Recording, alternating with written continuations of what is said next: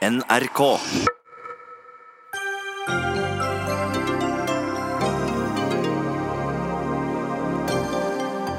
Norske politikere har lagt alt til rette for at de ikke skal lære noe som helst av Libya-krigen, og snart er det for sent å snu, mener professor Terje Tvedt. Michael Tetzschner møter Tvedt før tidsfristen er ute. 50 år med massiv vintersport i NRK Fjernsynet kan være over. Norsk rikskringkasting mister viktige sportsrettigheter, og Viasat-interesser hadde høyeste bud. Bent Høie viser til fagmiljøet når han vil endre abortloven, og nevner ett senter. De fleste fagmiljøer støtter ikke Høie, mener overlege. Og slakteren fra Darfur er avsatt og fengslet, så er håpet tent i Sudan?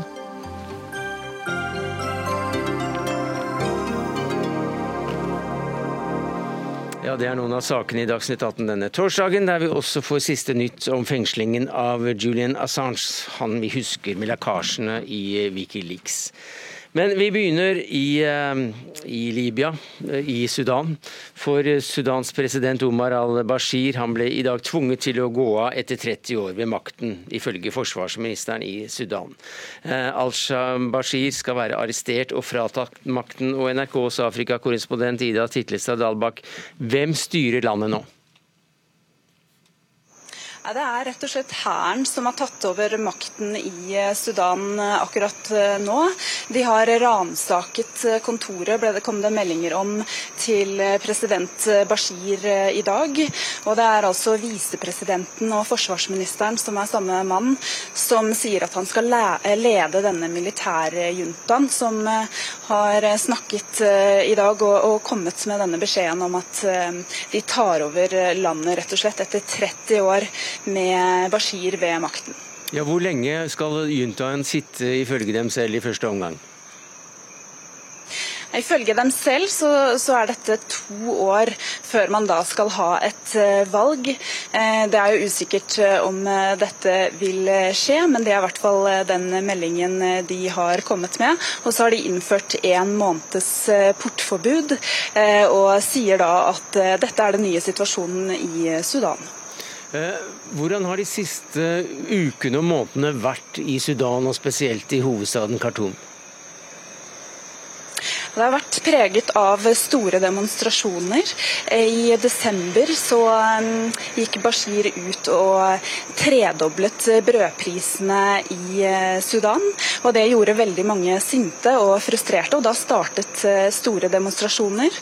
Og så I mars så innførte han nasjonal unntakstilstand, hvor han fjernet 18 guvernører og satte inn militære ledere i stedet.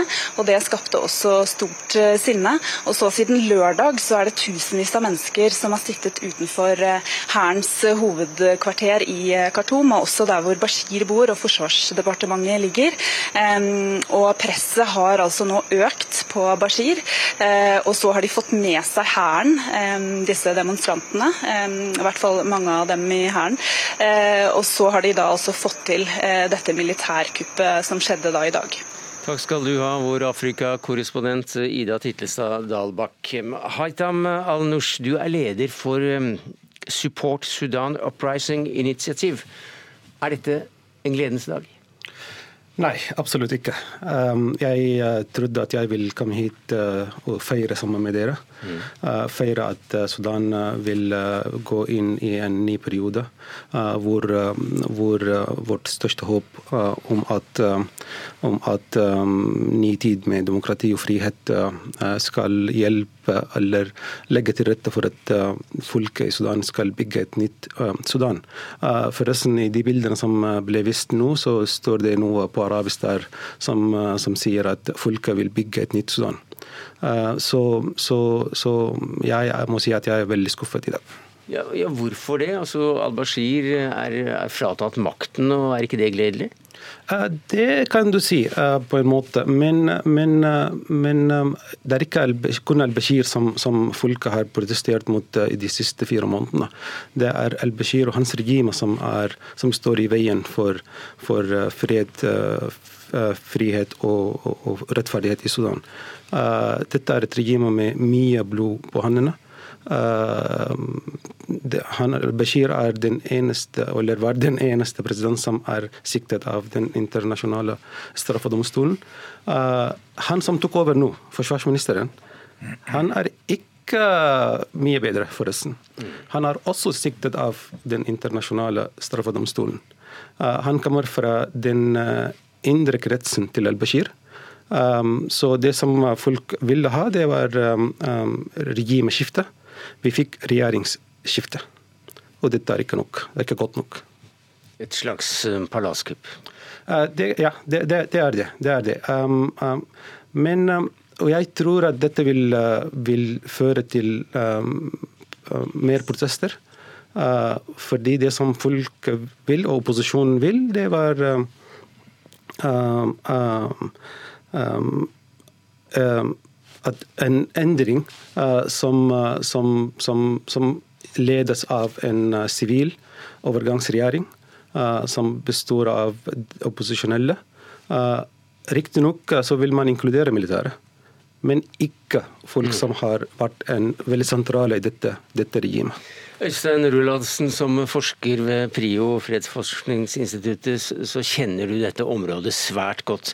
Hva kan skje nå? Det er en uh, veldig uoversiktlig situasjon, som sagt. Altså at det er, uh, så, som vi har vært inne på her nå, altså at dette er jo ikke noe revolusjon på noen som helst måte.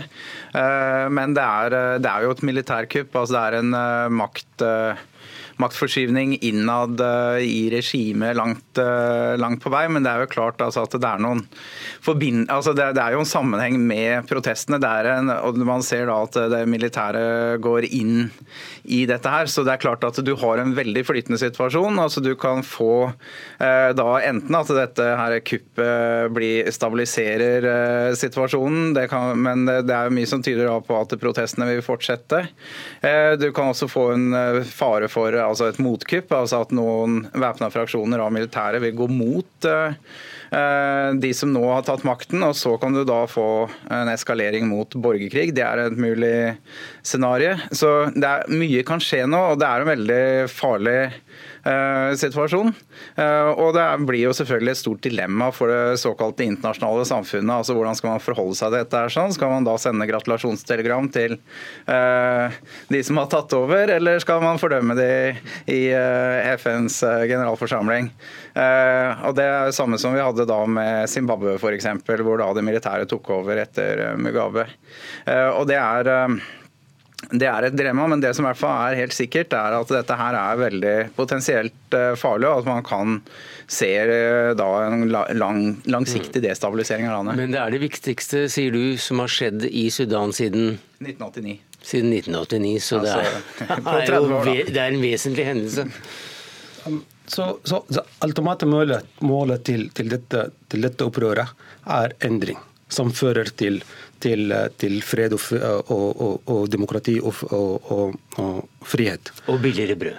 Uh, uh, dere i NRK har alltid dekket Sudan som en sak om, om, om mat og, høye priser. Uh, disse er ofte kun en utløsende faktor. Uh, uh, det ligger mye bak. Det ligger mye sinne og frustrasjon og, og, og følelse av å bli Eh, og, og, at det blir urett som er begått mot, mot hele folket. Det er det som er grunn, underliggende årsak for at folk i, i, massevis har sluttet seg til disse protestene. De, de ble inspirert av den samlet opposisjonen, som har en uh, som har agenda for, for framtiden. Både politisk og, og, og økonomisk. Så, så, så derfor uh, dette opprøret fortsetter å imponere en hel verden med sitt mot, kreativitet og besluttsomhet. Hvis jeg kan fortsette litt fordi ja, det, det, det, det, skal være veldig kort. Fordi at opposisjonen klarte å holde uh, uh, disse protestene fredelig, har vært avgjørende for, avgjørende for at Sudan uh, ikke sklir inn i en voldsspiral. Slik som i så, Libya, som vi skal komme tilbake til i slutten av denne så, så garantien, garantien, til at det blir stabilitet i Sudan og i regionen, mm. at dette regimet går av. Hele regimet, ikke bare uh, statsoverhode. Og i front, slik det ser ut på, på YouTube og, og diverse fjernsynskanaler, så står det en hvitkledd kvinne på toppen av et biltak. Hun viser vel ikke fingeren, men hun har i hvert fall en finger opp i lufta og taler til folket. Hva slags figur er det? Um, um, uh, dette bildet symboliserer uh, rollen, den viktige rollen kvinner har spilt i dette opprøret. De har vært modige, de har vært kreative, de har vært uh, ledende i dette folkeopprøret. Så dette bildet symboliserer dette er utmerket.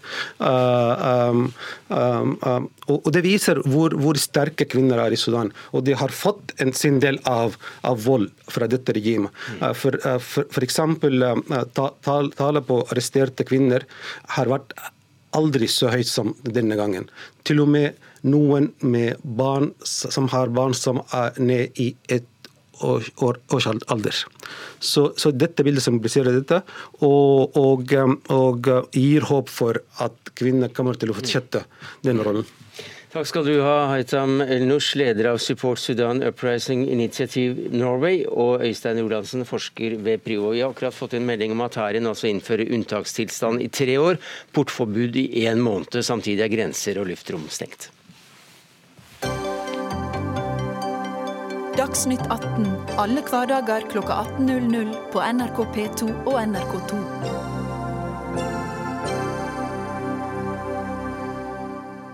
Er du en av dem som liker å se TV-sport på, eh, på, vinterstid, ja, så må du belage deg på store forandringer. For i dag ble det kjent at NRK mister rundt 40% av sitt totale vintersportstilbud.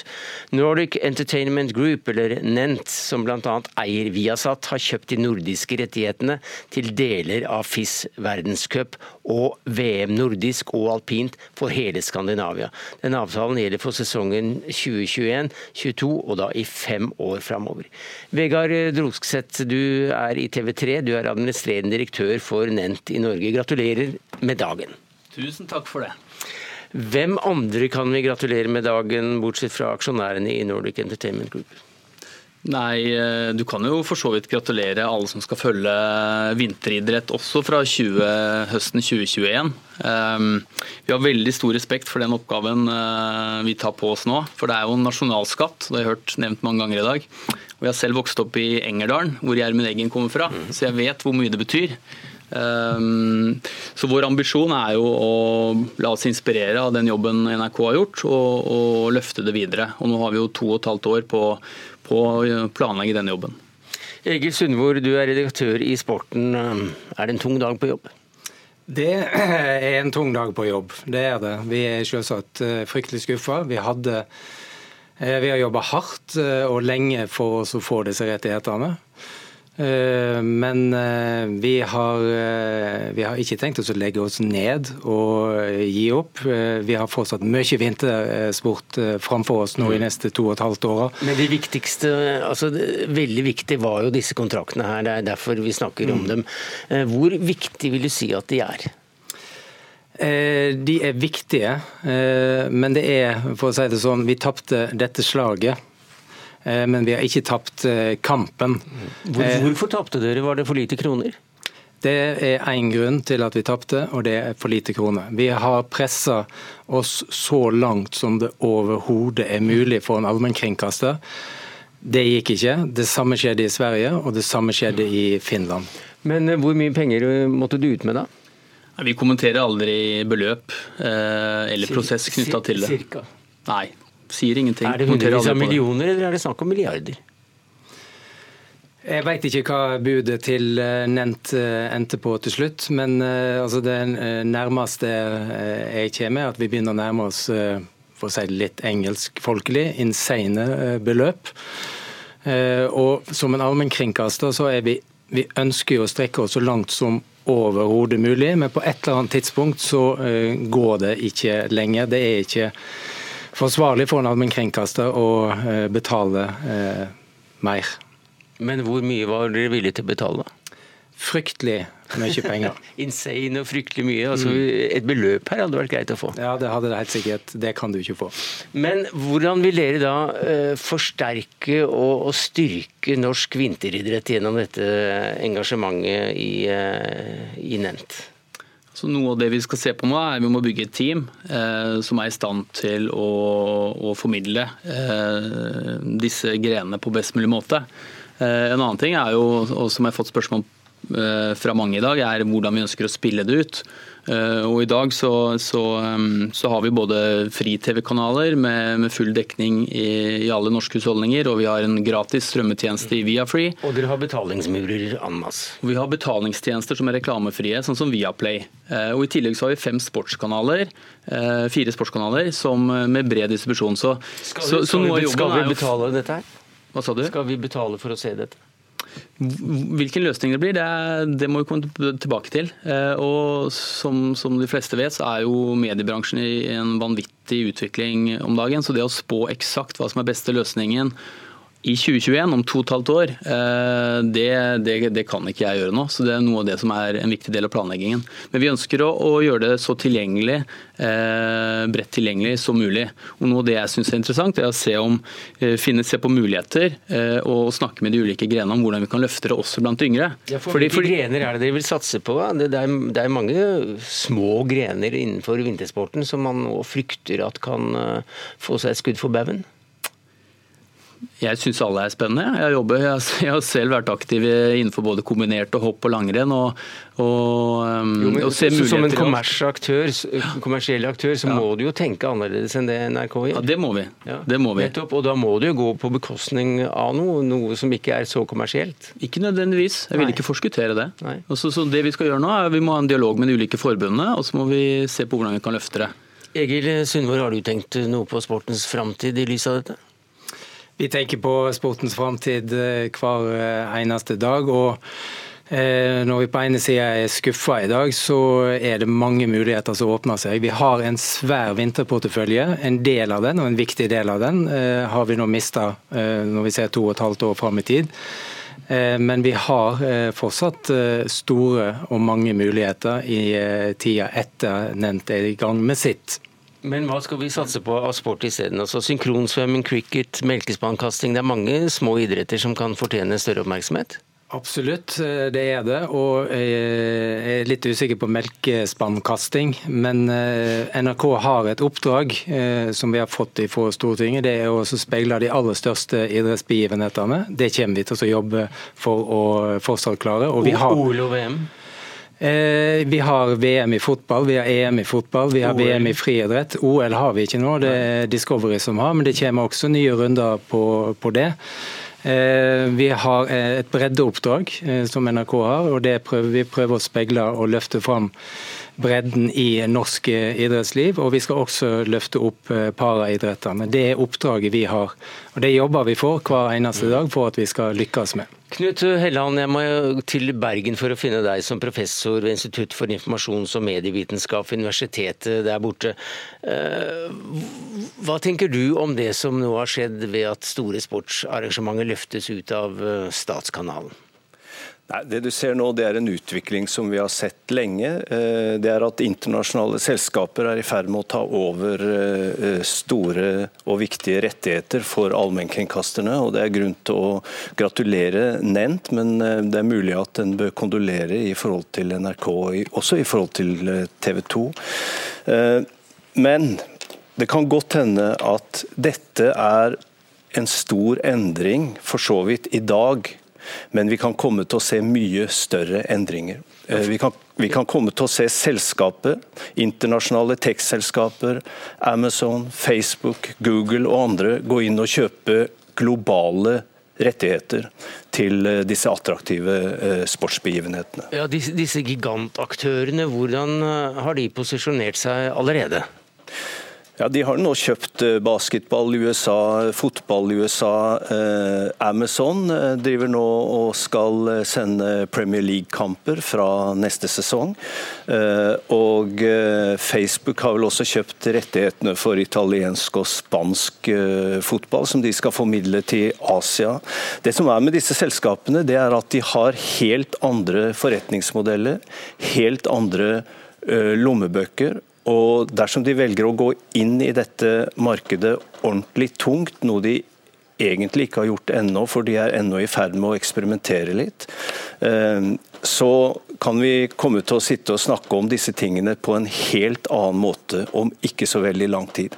Og Det er et perspektiv som er viktig å ha med seg. På hvilken måte skal vi da snakke om det om ikke så lenge? Ja, det er interessant. Eh, da må vi snakke om dette som noe som går ut av den norske kringkastings- og betalingstjeneste- og strømmetjenestevirkeligheten. Eh, da er dette over på internettplattformer som eh, kommer til å være dominerende på en helt annen måte på dette feltet, akkurat som vi ser at det nå er på andre felt. Det som også kan tilføyes her, det er det at uh, dette med bettingindustri, eller uh, sport og spill, sport henger sammen med spill, det er også et, uh, et aspekt som vi kommer til å se på nye måter nå når internasjonale aktører overtar sporten. Du gratulerte de som har vunnet denne budrunden. Men eh, kan du si mot slutten her, da, siden vi sitter i NRK, noe pent om hvordan NRK har vært formidler av vintersport så langt? Vi legger jo ikke ned vintersport, men altså det blir en endring. Ja, altså NRK har jo vært uh, fantastiske. De har jo vært standardsettende i forhold til hvordan vintersport skal formidles. Og så vil jeg si en annen ting òg. Altså, sporten har vært identitetsskapende for det norske folk helt siden Oskar Mathisen ble eh, fem ganger eh, europamester og åtte ganger verdensmester rett etter at Norge ble selvstendig i 1905. Altså, sport har formet, eh, formet, den norske identiteten gjennom lang tid. Og NRK og også TV 2 har vært veldig veldig viktige bidragsytere til det. Sånn sett så er det også en trist dag. Så nå tar Nent over altså denne nasjonsbyggingsoppdraget, og snart er det veldig opp til eh, Facebook eh, og Google. Takk skal du ha i eh, Bergen, Knut Helland, professor i Institutt for informasjons- og medievitenskap. Her i studio til Vegard Drogseth, administrerende direktør i Nent Norge. Egil Sundvor, redaktør i NRK K-sporten.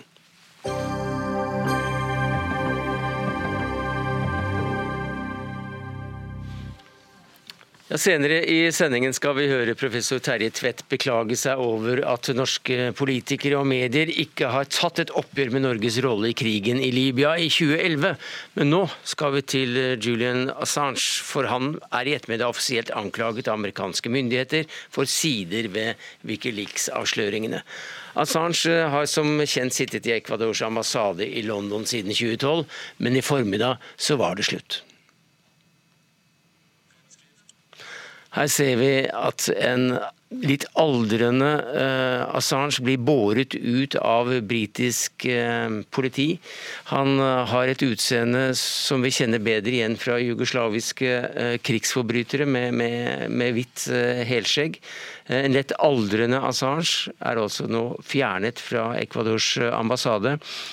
Og Sofie Høgestøl, du er universitetslektor ved Det juridiske fakultetet Universitetet i Oslo. Hvorfor skjedde dette? Ok, jeg tenker I dag så hadde Assange minst fire forskjellige juridiske problemer. Det første var at Ecuador ville ikke ha han lenger. De opphevet den asylstatusen som de ga han for, mange, altså for syv år tilbake. Eh, og Det førte til at han ble arrestert, som er det andre problemet han har hatt i dag. Um, han, uh, han visste jo at han ville komme til å bli arrestert, for det at i 2012 så brøt han kausjonsvilkårene sine uh, da han egentlig var i en utleveringsprosess til Sverige. Uh, det at Sverige etterforsket han for seksuallovbrudd, som er hans tredje problem. Og, og, og når han ble løslatt mot kausjon, så hadde han visse kausjonsvilkår han måtte innfylle. Og primært da ikke å prøve å rømme, og det var det han gjorde når han søkte asyl i Ecuador. Um, så det, det har vært en arrestordre ute på han fra britisk side på grunnlag av det. Og Da kommer vi til dette svenske forholdet. Det ble jo henlagt, men nå er det jo diskusjon om Sverige skal gjenoppreise den etterforskningen for disse seksuallovbruddene. Men de tre problemstillingene der, de er vanskelige. Men det som er mest vanskelig for Assange i dag, er at det nå endelig er blitt offentliggjort at han er ønsket utlevert til USA for forbrytelser begått eh, angivelig eh, mot uh, den amerikanske staten. Ja, og da vil Storbritannia etterfølge det ønsket? Det må vi se på. Eh, det kommer til å bli en skikkelig juridisk kamp om denne utleveringsbegjæringen. Eh, det første jeg tenkte imidlertid, når vi fikk litt sånn klarhet i hva er grunnlaget for denne utleveringen, så tenkte jeg at her har USA vært ganske lur. Eh, for det er slik at mellom den utleveringsavtalen som eksisterer mellom USA og, Storbritannia, for så vidt også mellom USA og Norge og USA og Sverige, så er det en klausul som gjør det at du ikke blir utlevert til USA hvis det er en politisk forbrytelse i bunn. Det er artikkel 4.1, altså utleveringsavtalen mellom England og USA. Eh, og Det har jo vært uh, hovedanlegget til uh, Assange hele veien. At dette er en politisk motivert straffesak mot han, uh, som begrenser han og andre journalisters ytringsfrihet. Men det vi så i dag, imidlertid, var at det han har blitt tiltalt, eller det han har blitt siktet for i USA, det er jo for å angivelig hjulpet Chelsea Manning, hun som ble arrestert for å ha lekket eller tatt ut disse dokumentene fra amerikansk etterretningstjeneste. De mener at han hjalp henne med å hacke hacke, altså bryte opp eh, passkodene til Pentagon idet de eh, skulle ta ut de dokumentene. Som jo er noe annet enn at han blir straffefullt for at han publiserer de, for det er to forskjellige forhold. Um, og jeg tenker nok at sånn, eh, vi, Dette blir nok en stor juridisk krangel når det kommer for rettssaken uh, 2. mai, men um, det er nok mindre spillerom for Assange sine advokater å si at det er rent politisk motivert. Um, akkurat det at han kanskje da har vært med på å, å hacke Pentagon-servere. Så det er selve anklagen? Det er selve anklagen i dag. Men det er nok det jeg ville argumentert hvis jeg var Assange-advokat, er at det er tiltalepunktet mot han slik det er i dag. Men det er jo ingenting i veien for at USA supplerer de tiltalepunktene hvis han utleveres. Og det er nok der slaget står. at jeg tror nok at Assange advokater, det så du allerede i dag utenfor etter um, fengslingsmøtet, så sa hans advokater at dette her er en ytringsfrihetssak. For det er jo det de har sagt mm. hele veien, at det er en sak som går på ytringsfriheten til han som journalist, da, eh, for at han har drevet dette nettstedet Wikileaks, som har offentliggjort um, viktige dokumenter. Øyvind eh, Rønning Nyborg, du er vår korrespondent i Storbritannia. Hvordan har miljøet rundt deg reagert på det som har skjedd i dag? Kommentatorer og avisspaltister? Nei, det er klart at uh, det er uh, blitt lagt merke til her at uh, både statsminister Theresa May og utenriksminister Jeremy Hunt var så tydelig i at dette er en, en seier for britisk diplomati, som da i lang tid har hatt samarbeid med ekvadorianske myndigheter. Og de er veldig tydelige på, begge to, at ingen som, eh, eh, som da da etterforskes for straffbare forhold, skal kunne stå over loven på denne måten. Så, og dette ble veldig godt mottatt også i Underhuset, en av de få kanskje eh, nyhetene som har høstet applaus der i det siste. Så dermed så kan statsministeren bli sittende? Ja, hun har nok uh, ganske mange andre ting å tenke på. Det er vel en konspirasjonsteori å tenke at dette bare mm. er et uh, Det som har skjedd i dag er et slags uh, sideshow til brexit. Det, det, det, tror jeg ikke. Men jeg spurte litt fordi spørsmålet er hvorfor skjer det akkurat nå? Nei, det, det, det, skjer fordi Ecuador har fått en ny president. Og han er langt mindre vennlig innstilt til Assange. Og så er det helt tydelig at ved ambassaden så har de gått ganske lei av Assange etter hvert, som har uh, tatt opp minst en tredjedel av uh, første etasje der. De anklager ham også for å, uh, flere brudd på sikkerhetsreglementet, og de anklager også han for å overvåke deres egne myndigheter, og også myndigheter som Ecuador har et godt samarbeidsforhold til. Og det vil de ikke lenger være med på. Og så skal vi huske på det at utenfor ambassaden som jeg er på vei nå i taxi, så har det pågått en enorm etterretningsorganisasjon der et privat sikkerhetsselskap har hatt to mann eh, på jobb til enhver tid og masse avansert eh, utstyr for å eh, overvåke det Assange gjør, og alle de besøkene han har hatt inn og ut av ambassaden. Mm. Kan det ha noe å si for den videre prosessen, Høgestøl, at han er blitt så tungt overvåket? Det, det, vil vi jo se. Men jeg tenker overvåkningen har jo vært i første omgang fordi at eh, britiske myndigheter har hatt lyst til å arrestere ham pga. at han har brutt kausjonen sin. da. Eh, og da vil nok Assange sine advokater ha sagt at liksom, den, han brøt kausjonen sin fordi han var redd for å bli utlevert til USA, noe han nå risikerer å bli. Så kanskje det var litt reelt at han gjorde det eh, for, for, så mange år siden. Eh, så det, det, det, er splittelse i mye her. Men jeg tenker det som virkelig har endret seg de siste to årene, det er jo at Ecuador har gått godt lei av å ha han der. Og en av de tingene, altså I fjor så så vi jo at de ga en internettforbud. Eh, vi så at de ga en besøksforbud. Eh, så det forholdet har vært ganske, ganske vanskelig siste året. Og særlig etter at det ble klart eh, at Wikileaks har hatt denne rollen med å lekke e-postene til Hillary Clinton under det amerikanske valget i 2016.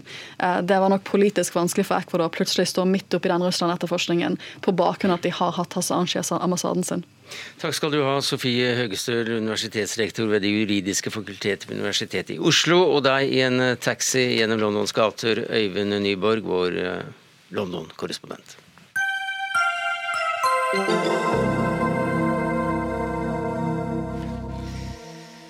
Noen husker kanskje høstens eh, politiske thriller, der plutselig abortloven kom i spill som et argument for KrF-folk til å velge blå side. Nå skal løfter leveres. Regjeringen vil endre abortloven slik at de som vil fjerne et av flere fostre, må få saken behandlet i en abortnemnd. Når helseminister Bent Høie har forsvart endringen, har han ofte vist til at han har fagmiljøet bak seg. Men i flere høringssvar og oppslag i Dagsavisen, så er det andre i det medisinske miljøet som peker på at dette slett ikke er så entydig. Og En av dem det er deg, Grete Iversen. Du er overlege ved kvinneklinikken på Haukeland sykehus, og du er leder av en lokal abortnemnd. Hva synes du om at regjeringen og helseministeren sier de følger anbefalingene fra fagmiljøet? Nei, Bent Høie, du har absolutt ikke det medisinske fagmiljøet med deg, du har oss mot deg. Og Dette kan du lett finne ut hvis du leser høringsuttalelsene. Norsk gynekologisk forening ved leder Nils Halvdan Morken har eh, uttalt seg meget kritisk til ditt lovendringsforslag. Og han eh, kommer tydelig på kritisk til at eh, dere prøver å få det fremstilt som at endringsforslaget initiert av fagmiljøet. Ja, Den gikk ikke den helse- og omsorgsminister Bent Høie. Du hører her at fagmiljøet faktisk er imot deg. Det er bare ja. ett eller to miljøer av mange som er for. Ja, men jeg har jo snakket eh, hele veien om et spesifikt medisinsk fagmiljø, nemlig det medisinske fagmiljøet som håndterer den type saker, som gjennomfører disse abortene. Jeg har aldri tatt uh, til orde for at hele det medisinske fagmiljøet står bak den endringen. Det, jeg kjenner det medisinske fagmiljøet så godt at det hadde jeg aldri tatt sjansen på. For det har jeg aldri opplevd, tror jeg, at det hele medisinske fagmiljøet er enig om noe. Det er ofte uenighet. Men det medisinske fagmiljøet som håndterer denne type spørsmål, ba òg om denne type endringer før eh, vi foreslo det i høringsnotatet. og Dette var ikke en debatt som starta med eh, diskusjonen med KrF i høst. Denne debatten har gått i Stortinget helt siden eh, loven ble tolka på ny av Justisdepartementet. Jo, det fikk, mange, det fikk vel en, en, viss fart jo, i løpet av høsten? Det er helt riktig, ja. men dette har vært en lang diskusjon. Ja. Og ikke minst er det mange som har tatt til orde for at dette er et område som ikke har vært godt nok lovregulert, mm. tydelig nok forankra i Stortinget. Nå blir det det. Iversen, hva sier du til at eh, det er et fagmiljø som peker seg ut, og dere andre må komme i annen rekke? Vi har hatt en prosess ved kvinneklinikken i Bergen, og der har alle legene hatt anledning til å uttale seg. Vi er kritisk til lovendringsforslaget av flere grunner. Slik det er nå med i abortforskriften paragraf 3 så gir det full anledning til å utsette et inngrep ved behov. Så hele lovendringsforslaget virker lite gjennomtenkt. Det, det finnes fra før anledning til å utsette en abort av medisinsk-tekniske grunner. Det vi har som vårt hovedargument mot lovendringsforslaget, det er at kvinnens selvbestemmelse er det viktigste.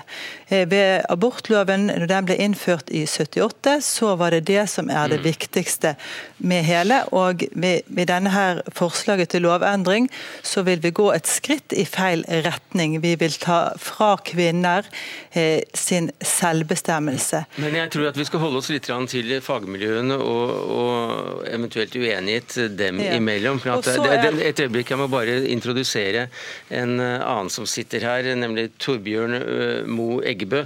Du er seksjonslege ved Nasjonal behandlingstjeneste for avansert invasiv fostermedisin ved St. Olavs hospital i Trondheim. Og det er ditt miljø som Høie lener seg på. Dere er flere som utfører disse inngrepene, men er du glad for at Høie så tydelig lener seg på dere?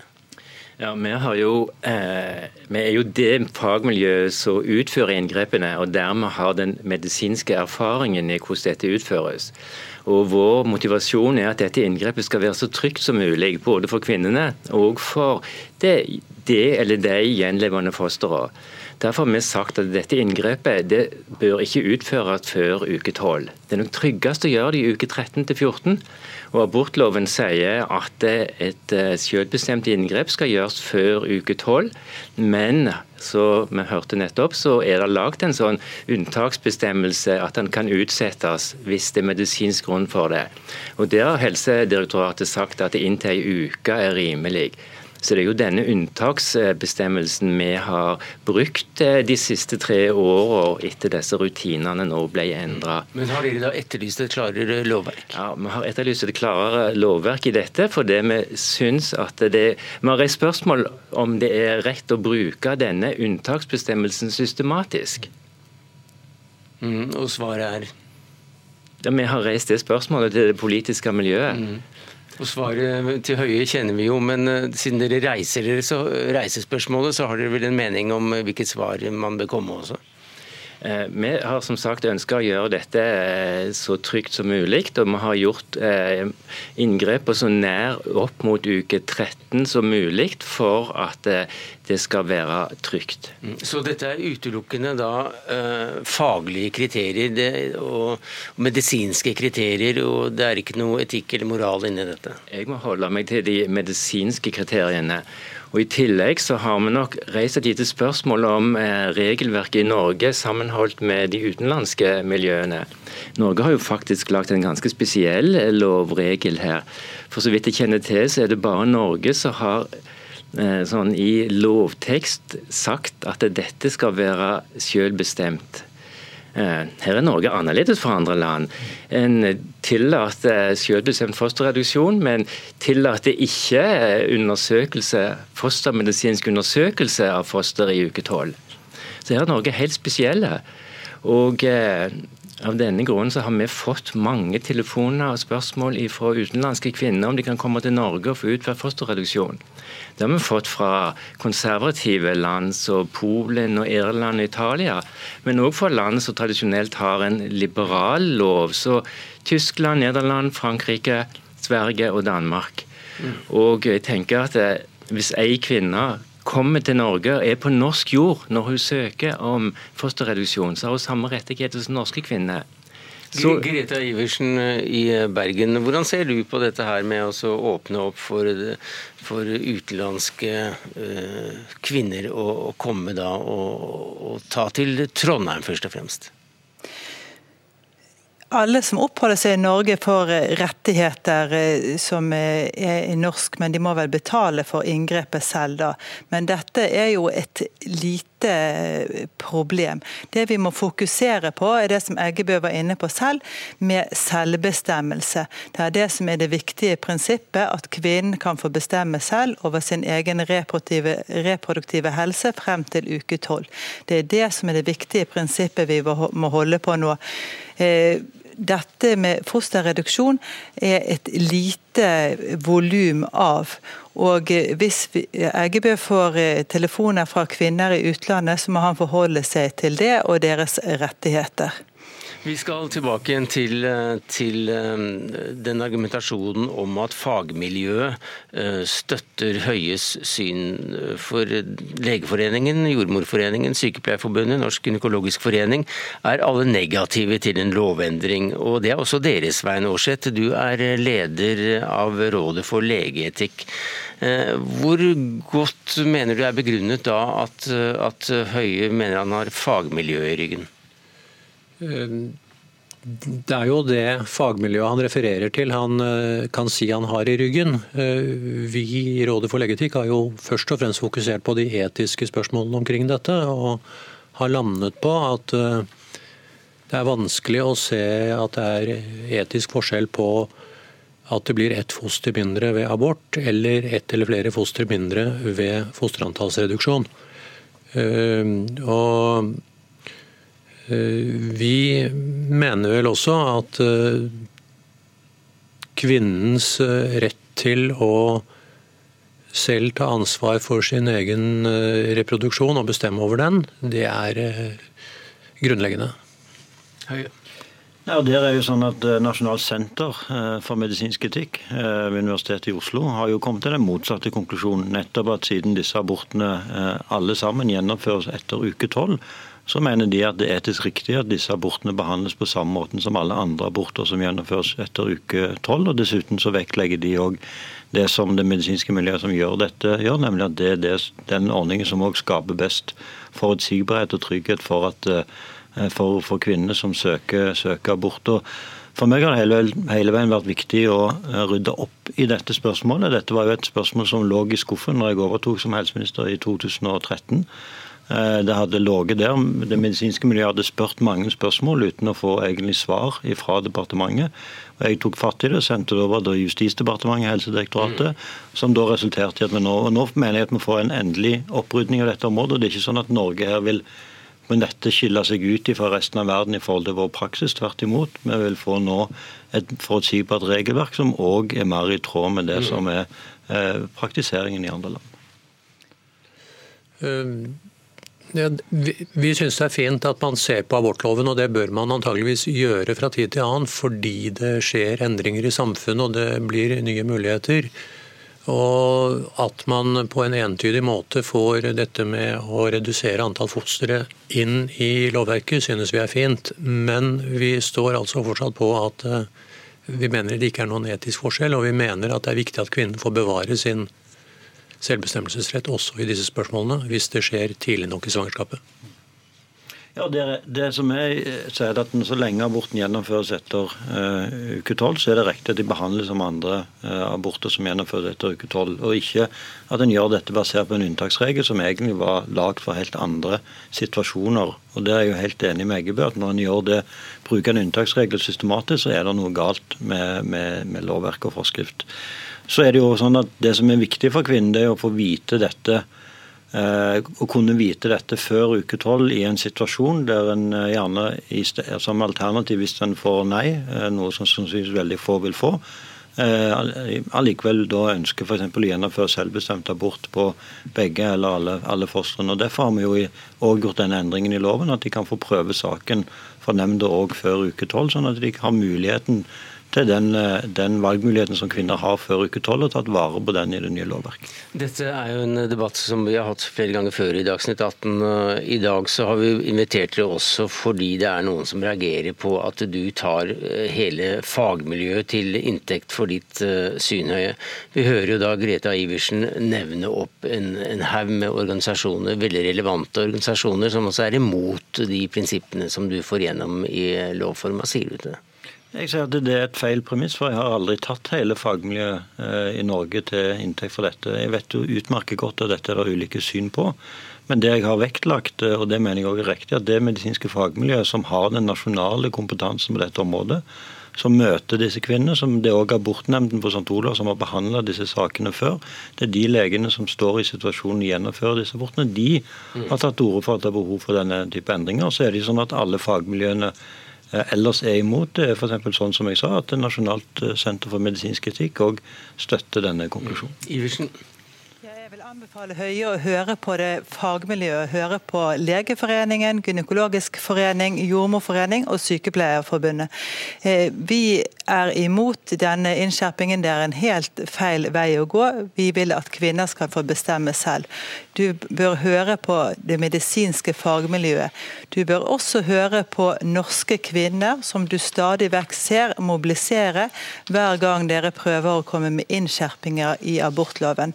Du bør forstå at norske kvinner ønsker en selvbestemmelse, og at norske kvinner kan ta en avgjørelse selv. At vi har gode etiske vurderinger, og det bør du ikke sette under tvil.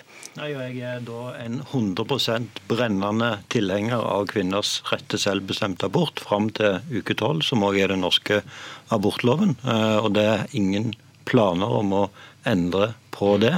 Dette handler om aborter som gjennomføres etter uke 12. og Vi kan gjerne ha en diskusjon om hva som skal være grensen for selvbestemt eh, abort i Norge, men det er en helt annen diskusjon. Ja, og Den tar vi ikke i dag, men eh, takk skal du ha, Bent Høie, helse- og omsorgsminister. Torbjørn Mo Eggebø, seksjonslege ved Nasjonal behandlingstjeneste ved St. Olavs hospital. Svein Aarseth, leder av Rådet for legeetikk, og til deg i Bergen, Grete A. Iversen, overlege ved kvinneklinikken på Haukeland sykehus, og leder av en lokal abortnemnd. Hør Dagsnytt 18 når du vil. Radio NRK Radio.nrk.no.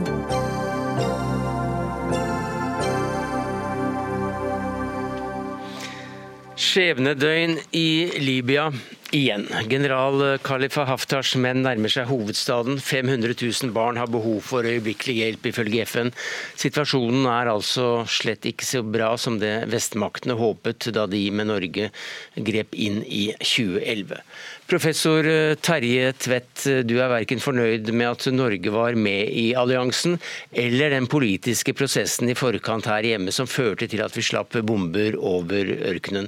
Og For noen dager siden så skrev du en artikkel i Klassekampen der du hevder sitat, norske politikere har lagt alt til rette for at de ikke skal lære noe som helst av Libya-krigen. Snart er det for sent å snu. Hva mener du med dette? Nei, dette er jo ikke en diskusjon om for eller mot krigen i Libya, eller for eller mot militære intervensjoner, eller for den saks skyld.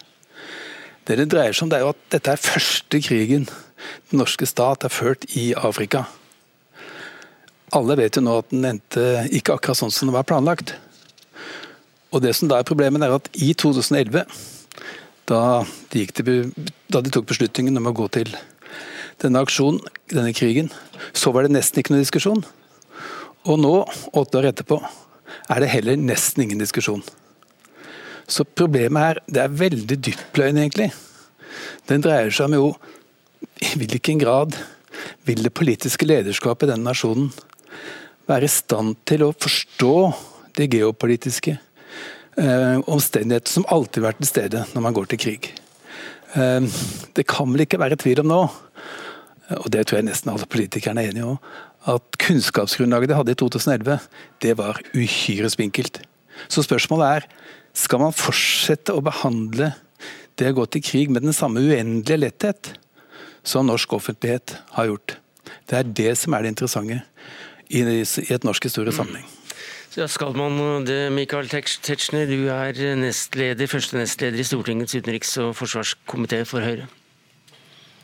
Ja, Det er et stort spørsmål som stilles. Jeg leste også artikkelen med mm, stor interesse. Eh, og Det er viktige spørsmål, men så må det også sorteres.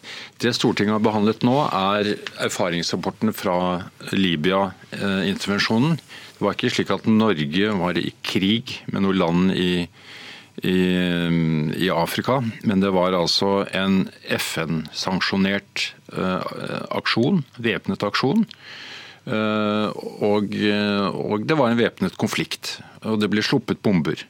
Og man har gått kritisk gjennom, også for å se om man holdt seg innenfor humanitærretten. Og Det er der denne rapporten også konkluderer med at de norske, det norske bidraget ikke er noe å kritisere for hvordan man har opptrådt når man er i denne væpnede konflikten. Så må jeg også få lov til å si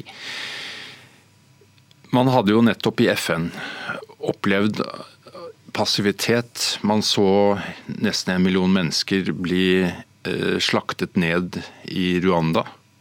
Eh, skulle man da også si at FN ikke skulle gi noe mandat for å gripe inn i en afrikansk eh, stat for å beskytte sivilbefolkningen? Man hadde også nedslaktingen av det muslimske mindretallet i Bosnia, i Srebrenica. Eh, og det var en holdning til FN, og med rette. Kofi Annan sa det var den største misforståelse, og de nærmet seg da å være passiv medvirkning til eh, store humanitære katastrofer. Og Da kommer man i et dilemma. og Da kan man selvfølgelig si etterpå at ja, eh, informasjonen var ikke god nok. Det utviklet seg heller ikke slik optimistene trodde, men dog bedre enn det pessimistene hele tiden har sagt. Ja, dette er Dessverre. Og jeg syns ikke Tetzschner kler denne rollen, egentlig. Fordi at nå rettsliggjør han jo hele krigen. Altså som om det at det fantes Som om det at den foregikk innen folkeretten, dermed gjør den rett. Altså Det at noe er rett, er ikke det samme som at det er fornuftig. Det er rett å kjøre forbi en bil på en eh, åpen strekning, men det er ikke alltid det er fornuftig. og Hvis du kolliderer, så vil du som regel etterpå si at det var dumt. Dette var altså en krig som ikke kan hele tiden vise tilbake til at liksom verdenssamfunnet sto bak. At vi bare representerte så å si det mest maksimalt store vi. Og derfor behøver ikke den norske politiske ledelsen selv å tenke gjennom hvorfor man gikk til krig, og hva krigen eh, førte til. For det var jo ikke sånn, og det er også en unødvendig tilsnikelse som gjør det veldig vanskelig å ha den diskusjonen. For Det var jo ikke sånn at det bare fantes én oppfatning om Libya i 2011. Det fantes mange oppfatninger. Og vi vet jo, og det vet Tetzschner også, at partifellene hans i Storbritannia har jo sagt at beslutningsgrunnlaget som ble tatt, var feil. Krigens mål var nådd i løpet av 24 timer siden den britiske parlamentarikerkommisjonen under hans partifelles ledelse. Altså, den krigen som fortsatte i de månedene Norge var involvert, mm. det var en krig som allerede hadde oppnådd målsettingene i FNs resolusjon 1973. Så måten som du snakker på, Fetcher, den innebærer nettopp veldig veldig tydelig at man kommer ikke til å diskutere hvordan, hvordan var det politikerne forsto den arabiske våren? Hvordan var det man forsto Libya? Hvordan var det man forsto hvilken intern og ekstern og geopolitisk kontekst man gikk inn i? Det er sånne ting det norske politiske lederskapet må prøve å lære av, og ikke bare dytte, dytte ansvaret fra seg. Ja, Her var det jo en del å, å kommentere. Um, når det trekkes denne merkelige skille mellom eh, at det kan være fornuftig å sitte i ro, eh, selv om det ellers er i samsvar med folkeretten og humanitærretten å aksjonere, så må vi huske at det var et sterkt moralsk imperativ for nettopp ikke la sivilbefolkningen i Bughazi forgå. Og Det var jo også det som var FNs situasjonsbilde. Det var også eh, Natos eh, situasjonsbilde. Det var EUs eh, e informasjonsbilde. Og, også nei, afrikanske union hadde jo som av naturlige grunner har god oversikt over området i den grad man kan ha det. Alt dette tilsa et Eh, beslutningsgrunnlag som selvfølgelig Norge ikke er alene om, og må eh, legge til grunn når eh, FN diskuterer dette og utsteder et mandat for en slik væpnet intervensjon. Og igjen så blir det jo slik som vi ellers kjenner fra nødretten, at selve nødvergehandlingen kan man ikke alltid ha oversikt over den fulle konsekvensen. Men alternativet er å sitte med hendene i fanget og se at sivilbefolkningen blir slaktet ned. Men dette er, er altså da nesten en forår mot Libya-krigen igjen. Og den eh, tar vi ikke fullt ut i resten av tiden vi har i Dagsnytt 18. For det er også interessant, slik eh, Tvedt eh, da maner til oppmerksomhet rundt, nemlig at det er blitt det blitt debattert så lite i, i, Norge, både grunnene til å gå inn og, og prosessen rundt, og burde vi ha gjort, og hva kan vi lære av det? Ja, jeg syns at vi har hatt en fin diskusjon, og jeg har også lyst til å si at det er jo fristende for uh, den etterfølgende regjeringen å være meget kritisk til Stoltenberg-regjeringen. Det er derfor man også lot et eget utvalg med folkerettslig og humanitærrettslig ekspertise se dette fra utsiden og kritisere det som var nødvendig. Så det er altså ikke riktig det at det var taushet rundt disse spørsmålene i mange år? Nei, altså Du som mediemann vet jo at eh, den offentlige debatten den kan den ene dagen bevege seg i retning av Grand Prix-melodier og ski-VM. og Vi styrer jo ikke den offentlige debatt på den måten. Nei, og Norske medier får, også, får også sin del av pepperen her, men eh, Tvedt, vær så god. Dette synes jeg er veldig rart. Eh, altså, Jeg var, var på møte sammen med Pettersen, som jo var den som la frem Pettersen-utvalget. Da spurte jeg han hvor mange møter har du vært på etter at denne uh, utredningen ble gitt ut. Og han sa ett, og det er dette møtet. Det har vært interessen. Og hvor mange møter har du vært på Tetzschner, som har diskutert dette? Ingen. Bortsett fra Stortinget nå sist. Ja, vi antar. Ja, vi antar. Sånn at ja, poenget, antar, ja. Men, ja. For å diskutere, altså, du, hvilke, hvilke, diskusjoner har du vært med på når det gjelder Libyas historie? Når, sånn som du snakker om at FN står bak altså, Dette er ikke et spørsmål om passivitet eller aktivitet. Det er spørsmålet om hvordan man forsto en situasjon i et land man bestemte å bombe. Og det er den diskusjonen ikke du vil gå inn i. Selv etter åtte år var det sånn at det var en del av den arabiske våren som var en progressiv, nærmest revolusjonerende omdanning av Midtøsten. Noen av oss på det tidspunktet mente jo ikke det. Men Stortinget mente det enstemmig i mars 2011. Var den analysen rett? Ja. Du, sånne ja. ting, sånne spørsmål ja. når man diskuterer. Mens du hele tiden bare kommer tilbake til FN-resolusjon 1973 og Rwanda. Mm. Det er, ikke, det er, ikke, et holdbart argument i denne sammenhengen. Jo, fordi det går jo litt inn i konteksten at FN eh, nærmet seg jo da en handlingslammelse og ble med rette kritisert for en passivitet som var så himmelropende Eh, katastrofal for i det hele tatt å tenke seg at vi kan eh, utvikle en internasjonal rettsdannelse som tar vare på sivilbefolkningen i konkrete nødsituasjoner, når deres myndigheter retter våpnene mot dem. Og Det er det som er eh, spørsmålet her, ikke hvilket totalbilde og hvilket syn man hadde på den arabiske våren. Det er jeg enig i at det kan vi ha seminarer om både før og etter. Men dette er en konkret nødvergesituasjon hvor det måtte handles. Og eh, Jeg har også lyst til å si at denne debatten er altfor viktig til eh, å karakterisere eh, andre som om, om, om, de oppholder seg mye eller lite ved disse debattene. Jeg sier ja til alle debatter om dette som jeg har vært invitert til, og jeg er veldig interessert i selve det folkerettslige og humanitærrettslige grunnlaget i dette. Og En av grunnene til at dette kanskje ikke er blitt noen stor eh, bombe i det politiske miljøet, det er jo nettopp også at den eksterne ekspertisen som har gått igjennom det norske bidraget her, sier at eh, det norske bidraget ikke utsatte mm. sivilbefolkningen for eh, uønskede følgevirkninger av det, eh, det militære inngrepet som Norge var med på. Den libyske befolkningen, og det var Jan Pettersen-utvalget du sikter til. Men, men Tvedt, du, du, du, sier jo da at, at vi må lære noe av, av, denne prosessen. Og hva nøyaktig er du interessert i at vi må gå igjennom for å komme oss videre?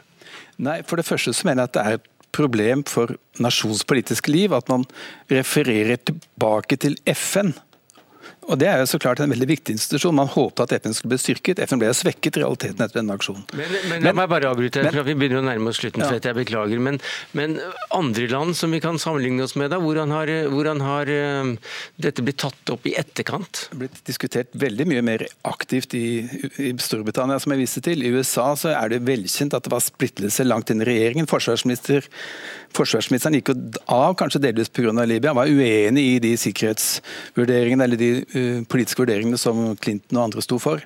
Sånn at I USA har det også vært mye mye mer diskusjon enn Norge. I Danmark var det mer diskusjon. I Bulgaria vet vi at statsministeren ikke ville være med fordi han ikke aksepterte begrunnelsen. Uh, Tyskland ville ikke være med. Sånn at I andre land så har det vært diskusjon, mens her og det er det som er poenget, så har det jo på alle partiene på Stortinget var jo helt enig i denne krigen, men de var også helt enig i begrunnelsen. Og Det er det som er det interessante. Og Begrunnelsen var gode intensjoner, for all, for all del. Man ønsket å fremme menneskerettigheter og demokrati. Man ønsket å støtte FN som verdensorganisasjon og som en sterkere myndighet internasjonalt. Alt dette er jo målsettinger som de aller fleste kan være for. Mm. Men poenget er at man forsto ikke den virkeligheten man gikk inn i. Og det er den virkeligheten man fortsatt ikke vil ta i, fordi at man er mer redd antageligvis. Men for ditt eget rykte, eller for at sin egne verdensbilde skal kollapse, men, men, enn å diskutere. Men Tvedt, du etterlyste også eh, debatter i etterkant av dette, og denne debatten fikk vi takket være deg som professor ved Universitetet i Bergen, og filmskaper. Eh, mange politikere var eh, kallet, men, men få kom hit. Noen kunne ikke, andre prioriterte det ikke. Så flott å ha deg med som første nestleder i Stortingets utenriks- og forsvarskomité fra Høyre, Michael Tetzschner. Det var det vi rakk i Dagsnytt 18 denne torsdagen, takket være ansvarlig for det hele, Jarand Ree Mikkelsen. Teknisk ansvar hadde Marianne Myrhol. I studio Sverre Tom Radøy.